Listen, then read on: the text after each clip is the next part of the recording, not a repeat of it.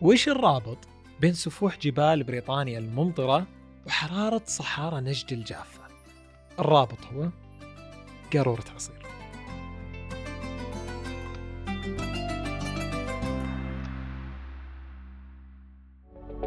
هذا البودكاست من إنتاج محتويس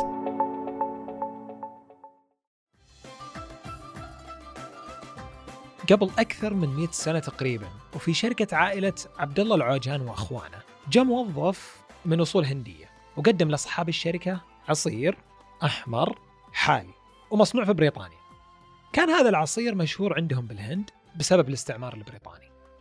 وحقيقة هذا العصير ترجع لسنة 1928 للميلاد والقصة تقول إن في شمال غرب بريطانيا فوق على اليسار بالزاوية جون نويل نيكولز تاجر الأعشاب والأدوية اللي بلهجتنا نقول عنه عطار اخترع منشط من الأعشاب وسماه Vim Tonic أها ولما شافوا الناس فعالية المشروب على صحتهم تحمسوا وسجلوه كدواء يخفف بالماء البارد أو الحار عشان يشربونه.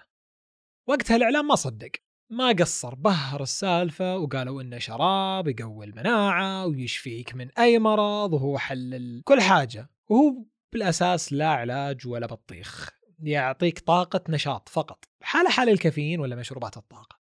بأول العشرينات انتقل مصنع الفيمتو للهند واعجب الهنود بالفيمتو واللي من هناك وصل لشركة عبد الله العوجان في السعودية. وهنا وسعت شركة عبد الله العوجان تجارتها وأخذوا حقوق استيراد وتصنيع الفيمتو وتوزيعه في الخليج اللي وصل لأول مصنع في الدمام سنة 1979 تقريبا. وجاء مالك الشركة بنفسه سلم وصفة الفيمتو السرية لشركة عبد الله العوجان بس بشرط. شرطوا عليهم إن اللي يعرفون الوصفة ما يسافرون ابدا مع بعض. وتبقى الوصفة سرية ليومنا هذا.